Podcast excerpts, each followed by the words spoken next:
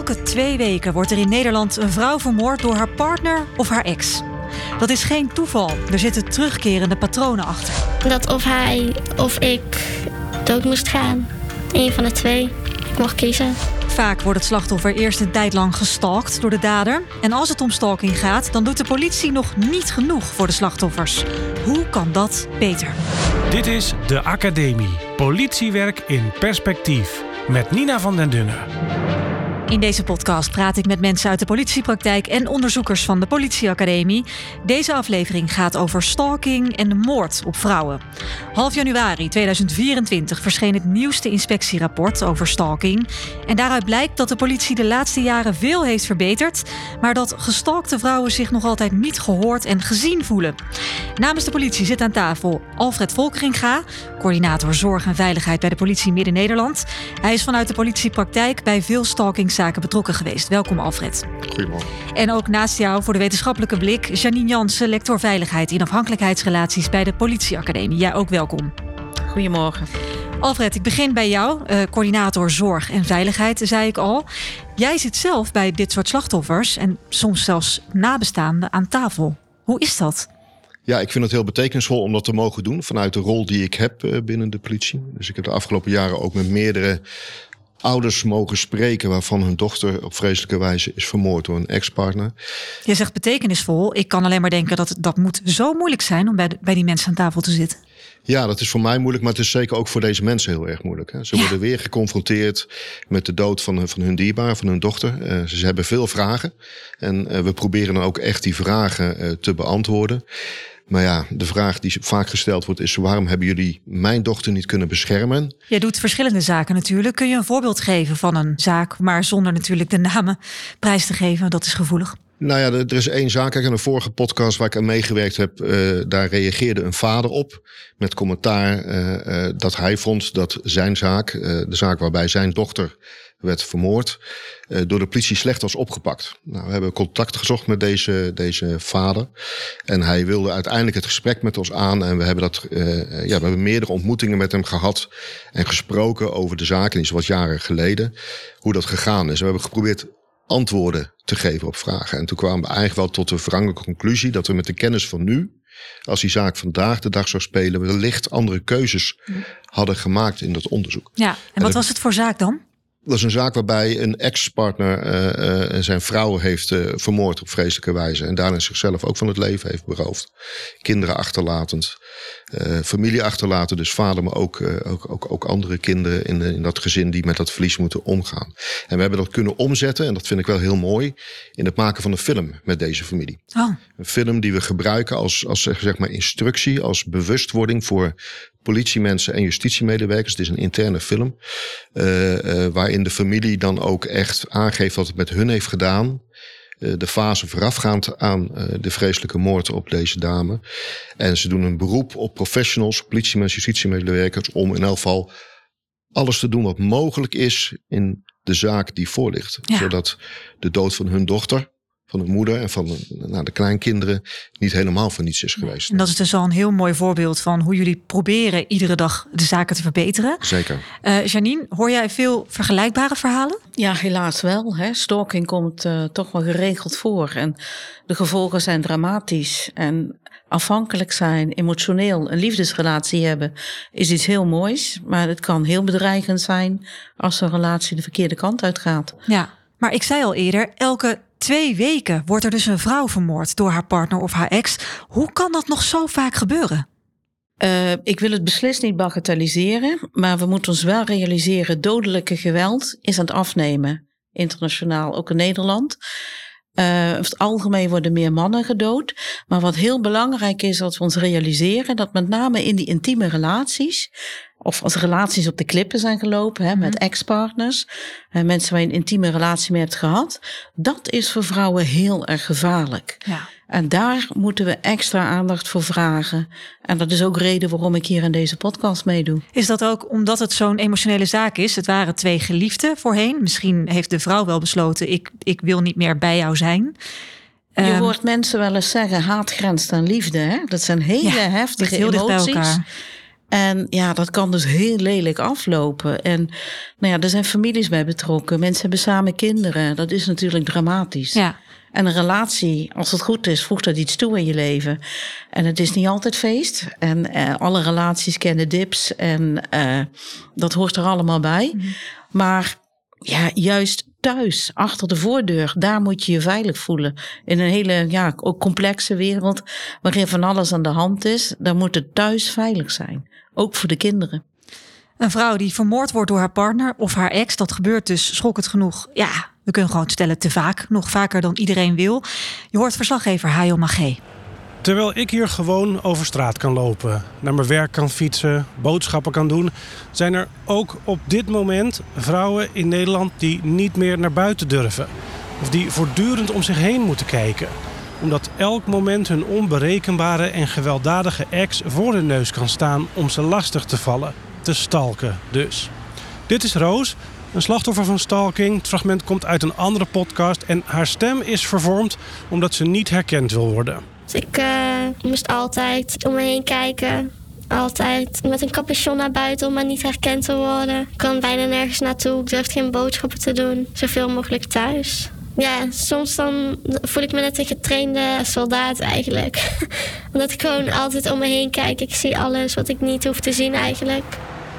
Vrouwen zoals Roos maken zich terecht grote zorgen, want ze weten dat er inmiddels een heel lijstje is van andere vrouwen die ook gestalkt zijn, die het niet meer na kunnen vertellen. Zoals Marlie Schapendonk van 35, doodgeschoten in Kinrooi bij Weert in 2022 door haar ex. Laura Korsman, doodgestoken in Utrecht in 2018 door haar ex. Linda van der Giezen, doodgeschoten in Waalwijk in 2015 door haar ex. Juliette Bouwhof, gewurgd in Eindhoven in 2014, 17 jaar oud pas, door haar ex. En natuurlijk Humeira in Rotterdam, doodgeschoten in 2018 door haar ex. Allemaal gestalkt, allemaal vermoord, allemaal door hun ex en allemaal vrouwen.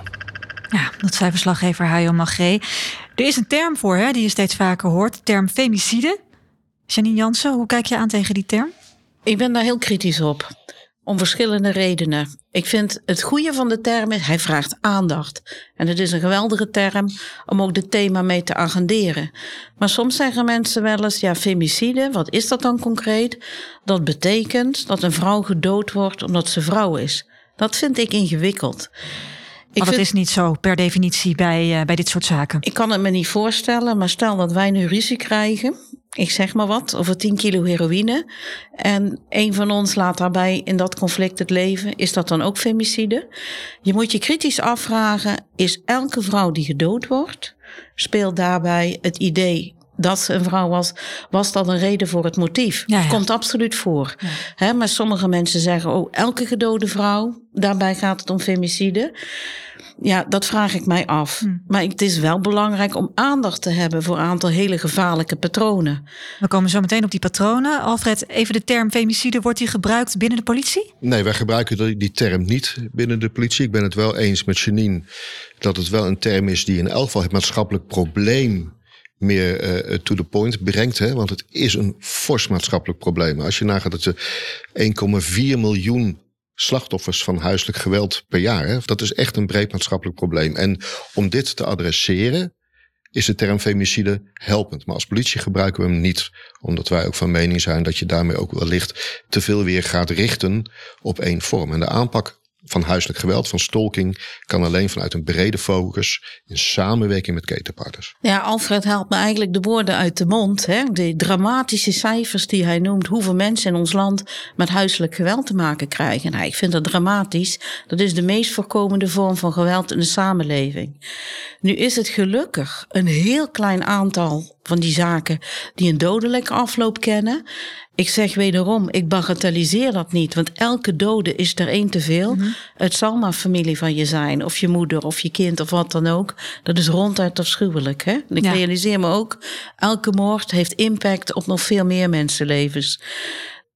Dat gezegd hebbende, is het heel erg belangrijk dat we ook in de voorkant kijken. En dat is juist die aanpak van huiselijk geweld, van eergerelateerd geweld, Ja. van stalking, noem maar op.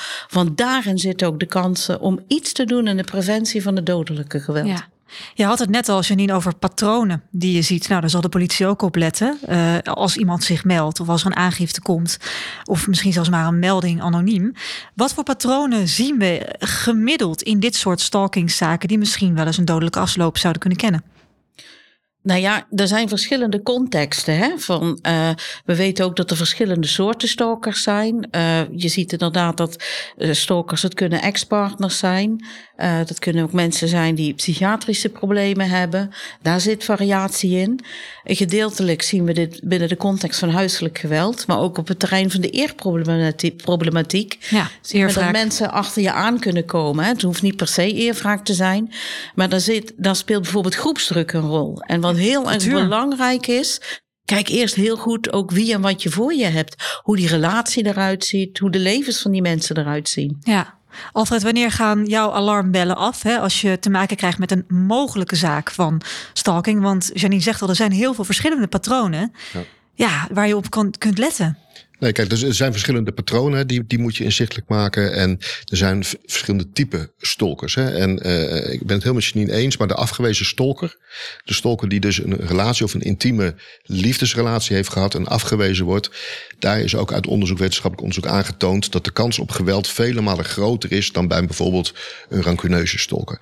Dus dat is belangrijk om te weten. Waar gaan bij mij eh, mijn nekharen overeind staan? Dat is eigenlijk al bij het begin. Als een vrouw aan de balie komt van een politiebureau en zegt: Ik word lastig gevallen door mijn ex, dan is dat eigenlijk al de eerste rode vlag waar we op moeten aanslaan. En dat doen we ook.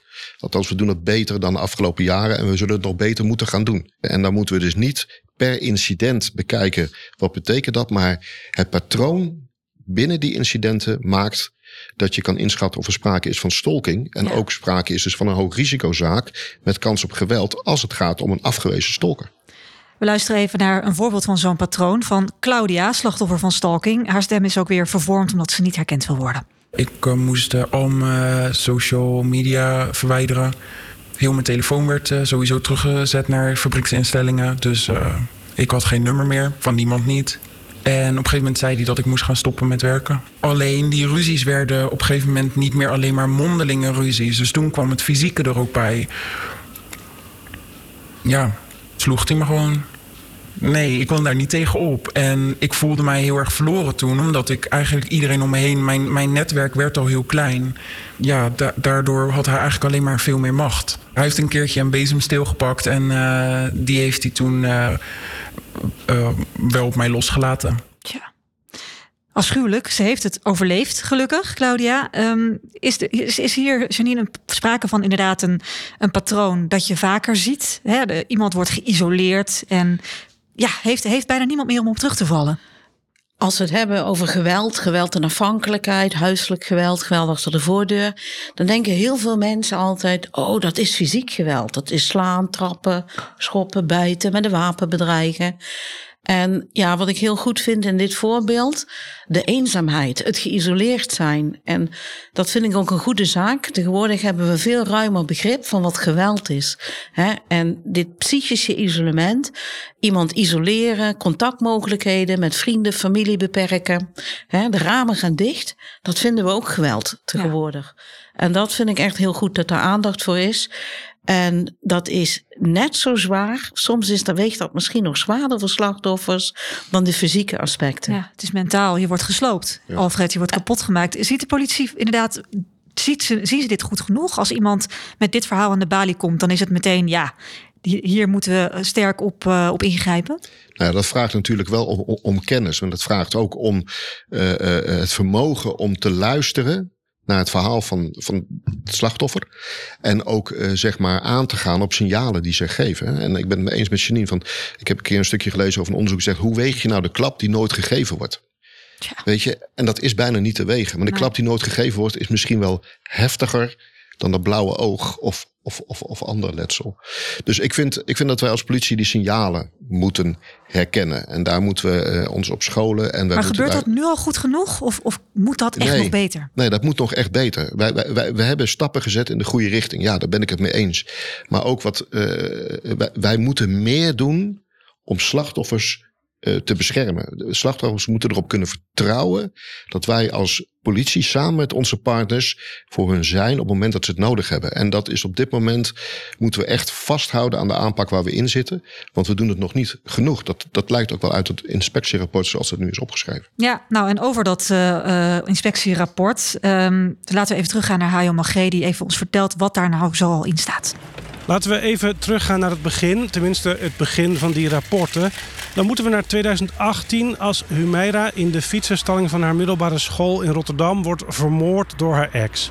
Die moord is reden voor de inspectie om uitgebreid te onderzoeken wat er misging.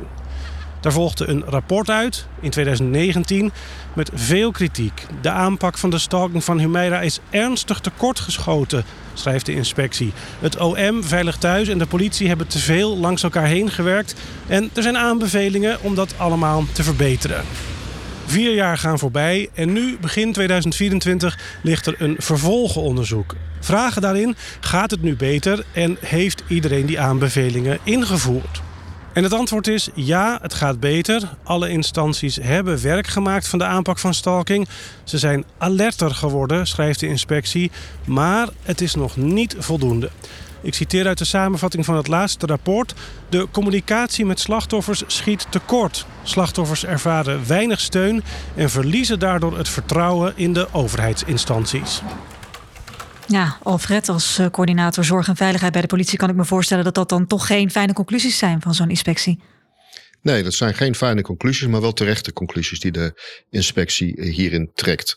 Uh, ja, er zijn dingen verbeterd, maar we moeten echt nog op een aantal punten beter doen. Hè. Ehm, de inspectie vraagt ook en zegt ook vanuit het slachtofferperspectief dat iedere melder van stalking eigenlijk een contactpersoon zou moeten hebben bij de politie, waar die terecht kan. Klinkt heel logisch. En dat klinkt Ik vraag me af, waarom is dat er nog niet? Nee, dat, dat, klinkt ook logisch. Wij hebben de ambitie zelf ook. Maar de realiteit is ook weer barstig. Hè? Als er 10.000 eh, registraties per jaar in het politiesysteem staan van stalking.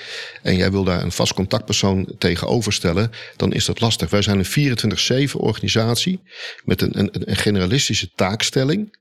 Dus dat betekent dat we keuzes moeten maken. Maar er zijn ook heel veel andere, ook belangrijke zaken waar we ook op ingezet moeten worden. Ja, en die keuzes vragen dan ook wel wellicht om een andere visie uh, op het beleid van de politie. Nou, daar is de korpsleiding over in gesprek met de minister. Van hoe gaan we hier nou vorm aan geven? En voor mij is ook persoonlijk de vraag: zijn we als politie als enige aanzetten om dat te organiseren? Of moeten we dat vanuit de keten met elkaar En daar hoor ik eigenlijk bij jou, nee, we zijn niet de enige. Ik denk het niet. Ik denk, ik, weet je, de aanpak van stalking, de aanpak van geweld- en afhankelijkheidsrelatie, kan de politie niet alleen. Dat kunnen we alleen als we dat in samenwerking doen met elkaar. Maar samenwerken. Met wie uh, bijvoorbeeld nog meer? Veilig thuis. Uh, de, de, de GGZ. Hè. Veelal is er sprake van problemen op meerdere leefgebieden. Een stalker is niet alleen maar een stalker of een hufter die geweld, dodelijk geweld toepast op een, op een vrouw. Nee, dat is ook vaak iemand met verslavingsproblematiek, psychische, psychologische problematiek, gokschulden. nou, noem het allemaal maar op. Dus wil je tot een oplossing komen, de veiligheid in het leven van deze personen herstellen dan zal je echt dat breed moeten benaderen. En dan moet je dat ketengericht samen met Veilig Thuis, samen met het Openbaar Ministerie, ja. de Raad voor de Kinderen, nou, noem al die partijen op, gezamenlijk moeten doen. En dat vraagt om samenwerken. Maar samenwerken is heel moeilijk. En, en, jullie zijn inderdaad niet de behandelaar. Hè? Je kan geen diagnose stellen bij al dan niet een stalker, al dan niet een slachtoffer, Janine. Nou, uh, wij zijn het tot nu toe steeds eens geweest. Maar nou Hier denk ik ietsje anders over. In de zin van, ja, samenwerken ben ik het helemaal mee eens. De politie is niet alleen een zet, je hebt ook andere partijen nodig. Maar ik vind wel dat binnen de politie er meer aandacht mag zijn, breed voor geweld en afhankelijkheid. Het is een thema dat snel het onderspit delft in vergelijking met andere thema's die ook belangrijk zijn. Dus ik ga ook niet zeggen van, joh kind, laat cybercrime zitten of ondermijning, jammer dan. Tuurlijk, het moet allemaal, het is allemaal belangrijk. Maar ik vind wel dat geweld en afhankelijkheidsrelaties dan vaak achter in de rij aansluit. Terwijl als het thuis niet veilig is, Ik zeg altijd, ook met het weer dat we de laatste dagen hebben, wie wint zaait, zal storm oogsten. Dus als je niet tijdig ingrijpt, zijn de gevolgen desastreus. Ja. En je weet ook, als het thuis niet veilig is, kinderen kunnen ook weer op andere plekken terechtkomen, wat je liever ook niet wil. Domino-effect. En je kunt gewelddadige patronen ook doorgeven aan volgende generaties. Ja. Dat willen we niet. En er is nog een punt wat me van het hart moet. Ik vind dat mensen als Alfred super werk doen. En je zegt ook terecht, Alfred, van in principe heeft de politie een generalistische inslag. Maar voor een aantal hele complexe fenomenen zoals dit, dat er, bij stalking hebben we het niet over incidenten, maar over patronen. Daar heb je toch enige specialistische kennis voor nodig. En daar moet ook ruimte voor zijn, juist om erger te voorkomen. En nu weet ik, we hebben niet genoeg mensen. Eh, De arbeidsmarkt, nou, dat is een eh, heel ingewikkeld verhaal op dit moment. Ja. Bij de politie gaan er veel collega's uit. Ja, je, je kunt niet zomaar iedereen vervangen, want de mensen zijn er niet. Dus ik kan wel roepen, besteed er meer tijd en aandacht aan. Maar dat gaat niet zomaar. Dat realiseer ik me terdege. Maar ik wil toch ook de waarschuwing eh, meegeven voor als eh, de buit wel verdeeld wordt. Als je dit laat liggen, krijg je veel lelijkere problemen terug. En wat we aan de voorkant kunnen voorkomen door een gedegen aanpak van geweld- en afhankelijkheidsrelaties, dat spaart, spaart straks heel veel TGO's uit. En Ja. voor de mensen die niet weten wat dat is, dat zijn de grote gespecialiseerde rechercheteams die bijvoorbeeld op moordzaken worden gezet. Ja, nou dat is eh, helder, lijkt me. Laten we eens kijken naar die aanbevelingen die de inspectie doet. Dat is bijvoorbeeld een casusregisseur. Oftewel dat ene aanspreekpunt dat dan op zo'n zaak moet zitten. En dat dan ook logischerwijs eh, eh, degene zou zijn die het meeste voor het slachtoffer beschikbaar is. Maar ze zeggen ook deskundigheid bevorderen. Alfred zei je ook al. Hè, we moeten meer snappen over die problematiek. Zijn we ook mee bezig. En de derde aanbeveling, dus het contact met slachtoffers. Want die verdwalen nog steeds in de organisatie. Moeten keer op keer opnieuw hun verhaal vertellen. Ja, daar zou zo'n regisseur zou goed zijn. Eh, inspectie zegt ook dat hoeft niet per se een agent te zijn. Hè? Hoeft niet eh, iemand te zijn die in de opsporing zit. Je kan er ook een HBO-persoon neerzetten die specifiek op die problematiek zit. Hoe kijk jij daar tegenaan, tegen zo'n casusregisseur, Alfred? Nee, ik denk dat eh, de, de functie van een regisseur eh, op zorg en veiligheid breed, dat het cruciaal is. Hè. We hadden het al over de inspectiebureau PKE, maar nemen twee steden onderzoek naar aanleiding van de dood van Linda van der Giezen. Eh, daar wordt ook al geconcludeerd dat er sprake is van versnipperde informatie en onvoldoende regie. En dat is nog steeds heel erg kwetsbaar georganiseerd binnen de politie. Die rol hebben we ook, die functie hebben we ook inmiddels uitgeschreven. En- en De casusregisseurfunctie. de regisseur zorg en veiligheid. Hè, want de kaasregisseur zit je echt weer alleen gericht Op de zaken. Op die zaak van huiselijk geweld stalking. Terwijl er vaak pra- sprake is van problemen op meerdere leefgebieden. Dus wil je naar een, een langdurig eh, herstel komen van veiligheid, dan moet je breed aanvliegen. Nou, die gaan we ook eh, eh, inbrengen, die functie. Dat is onderwerp van gesprek momenteel ook bij de korpsleiding. Ehm en daarin ja, ben ik het ermee eens dat we dat niet per definitie een executieve politiemedewerker hoeft te zijn. Dit zouden ook mensen kunnen zijn vanuit andere organisaties. Ja. Met heel veel kennis en achtergrond die ons gaan helpen om te zorgen dat we overzicht houden op zaken, die rode vlaggen herkennen, die patronen herkennen en collega's aanzetten om de juiste dingen te doen in de begeleiding en de coaching. Is er geld voor? Even heel praktisch. Eh, nou ja, weet je, eh, dit inspectierapport concludeert ook, net zoals ons eigen onderzoek, dat het kwetsbaar georganiseerd is op dit moment binnen de basisteams van al die eenheden in Nederland. Eh, collega's moeten het erbij doen. Het zijn over het algemeen, ik vind het eigenlijk een vreselijk woord, maar dedicated professionals die het doen. Die Ja. contactpersoon zijn die eh, gewoon in hun vrije tijd in de kroeg zitten en worden gebeld door een slachtoffer de telefoon opnemen Ja. omdat het gewoon te kwetsbaar is georganiseerd. Dus moet er geld bij? Nou, ik vind niet altijd dat geld erbij een oplossing is. Maar ik vind dat deze functie, ja, die moet echt wel eh, zijn rol krijgen binnen de aanpak van eh, geweld- en afhankelijkheidsrelaties. En nou ja, wat, eh, wat is een mensenleven waard? Ik denk eerlijk gezegd dat het veel meer kost als je het niet fatsoenlijk regelt. Ja. Hè, Ja. Goedkoop is duurkoop in deze. Ja, dat is nog wel een vraag voor jou, Janine. Wat kan de burger zelf doen? Heeft, heeft de burger zelf ook een taak in het signaleren van dit soort eh, ja, gruwelijkheden? We hebben allemaal een taak als burgers, hè? Je- als buren, als familie.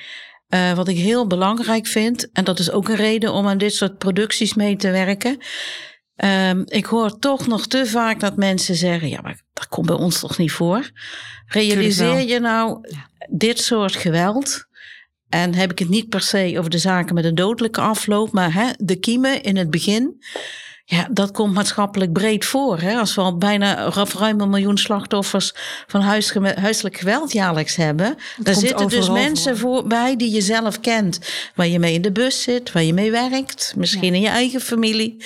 Dus kijk niet weg. En ik denk weer aan dat voorbeeld wat we net hoorden van die dame die vertelde over hoe alleen ze zich voelde in het isolement. Mhm.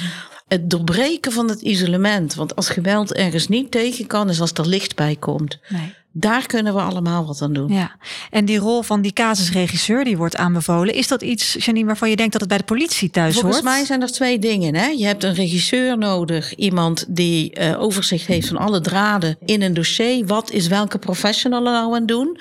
En je hebt ook een contactpersoon nodig. Ik weet niet of dat per se dezelfde persoon moet zijn, maar ik denk dat daar veel, meer, veel mogelijk is. En dat dat niet per se een bepaald type functionaris hoeft te zijn. Je moet ook kijken van wie heeft een goed contact met het slachtoffer, wie kan die rol vervullen. En ik denk dat er meer mogelijk is dan nu al gedacht wordt. Tot slot wil ik nog even luisteren naar Roos, het slachtoffer van eh, stalking dat je al eerder in deze uitzending hoorde. Via de mail, via WhatsApp, sms, social media, alles wat er bestaat. Ehm, via mijn familie kreeg ik berichten, wel honderden per dag. Telefoontjes, wel honderden per dag. En hij stond bij mijn school of bij mijn werk, bij mijn vriendinnen. Overal waar ik was, was hij ook. Dat of hij of ik uh, dood moest gaan. Eén van de twee. Ik mocht kiezen. Tja, dit meisje was 18. Ja, kippenvel. Ja, vreselijk. Echt afschuwelijk. Ik kan me ook voorstellen dat jullie, ook als professionals die zich hier eh, dagelijks mee bezighouden, dat je met je vuist op tafel wil slaan en dat het nu afgelopen moet zijn. Aan de andere kant ben je ook realistisch. Zie je tienduizenden van dit soort zaken per jaar, Alfred zei van stalking. Je kan niet als politie alles oplossen. Je kan niet overal achter de voordeur kijken. Hoe, hoe gaan jullie met, die, met, met dat dilemma om? Alfred, kijk ik eerst jou aan. Nou, ik vind echt dat we uh, veel meer aan de voorkant moeten komen. Dat vind ik echt belangrijk. Ik vind uh, op het moment dat wij als politie naar een melding gaan waar sprake is van een, een ruzie of een twist en we komen daar binnen en wij krijgen uh, een situatie te zien waarbij wij een professioneel onderbuikgevoel hebben van volgens mij klopt hier iets niet, dan moeten we op dat moment in de acute onveiligheid moeten we daar blijven. Dan moeten we de partners betrekken die nodig zijn, die misschien meer informatie hebben. Neem veilig thuis in een acuut onveilige situatie. Leg die informatie bij elkaar. Herstel de fysieke veiligheid. Daar zijn wij van als politie. En ga vooral samen met partnerorganisatie als Veilig Thuis of soms de GGZ. Maak een plan van aanpak die bijdraagt aan het herstel van de veiligheid. Uh, de politie is ook veel nog steeds, uh, uh, hebben ze de insteek van, hey, er is sprake van een strafbaar feit, er is iemand geslagen, we gaan aanhouden en dan zit je al in die strafrechtketen. Mm. De vraag is of strafrecht nou per definitie het middel is om geweld te doen stoppen. Ik denk het niet. Ik denk dat er andere interventies nodig zijn, waarbij we als politie ook een rol hebben, maar ook partners, om te werken aan langdurig herstel van veiligheid. Janine? Het is nu bijna tien jaar geleden, toen werd ik lector, eerst bij Avans Hogeschool, voordat ik dus hier lector werd. En toen moest ik een lectorale reden houden, een opening. En toen heb ik mij laten inspireren door een schilderij van Hieronymus Bos. 500 jaar oud, de hooiwagen. En op dat schilderij zag ik eigenlijk al alle vormen van geweld staan waar wij nu nog mee bezig zijn. En ik denk over 500 jaar zal dit er nog steeds zijn. Um, ja, beneemt je dat dan de moed? Eigenlijk niet. Ik realiseer me heel goed als eh, politieambtenaar, als wetenschapper. Ik zou het heel graag voor 100% willen uitbannen.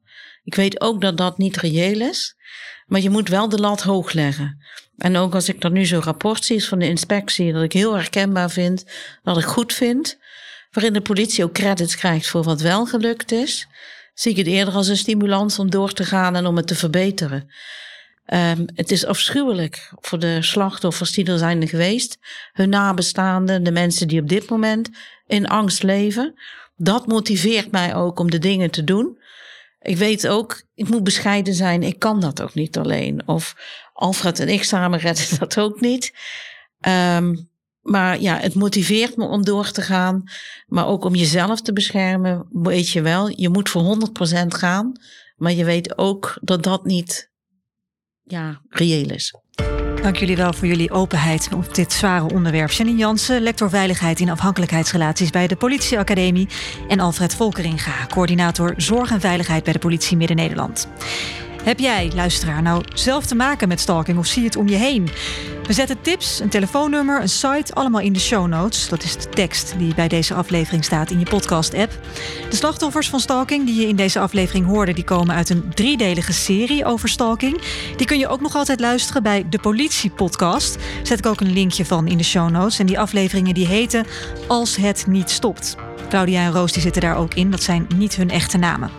In de show notes vind je verder ook links naar het nieuwe rapport van de Inspectie Justitie en Veiligheid over stalking.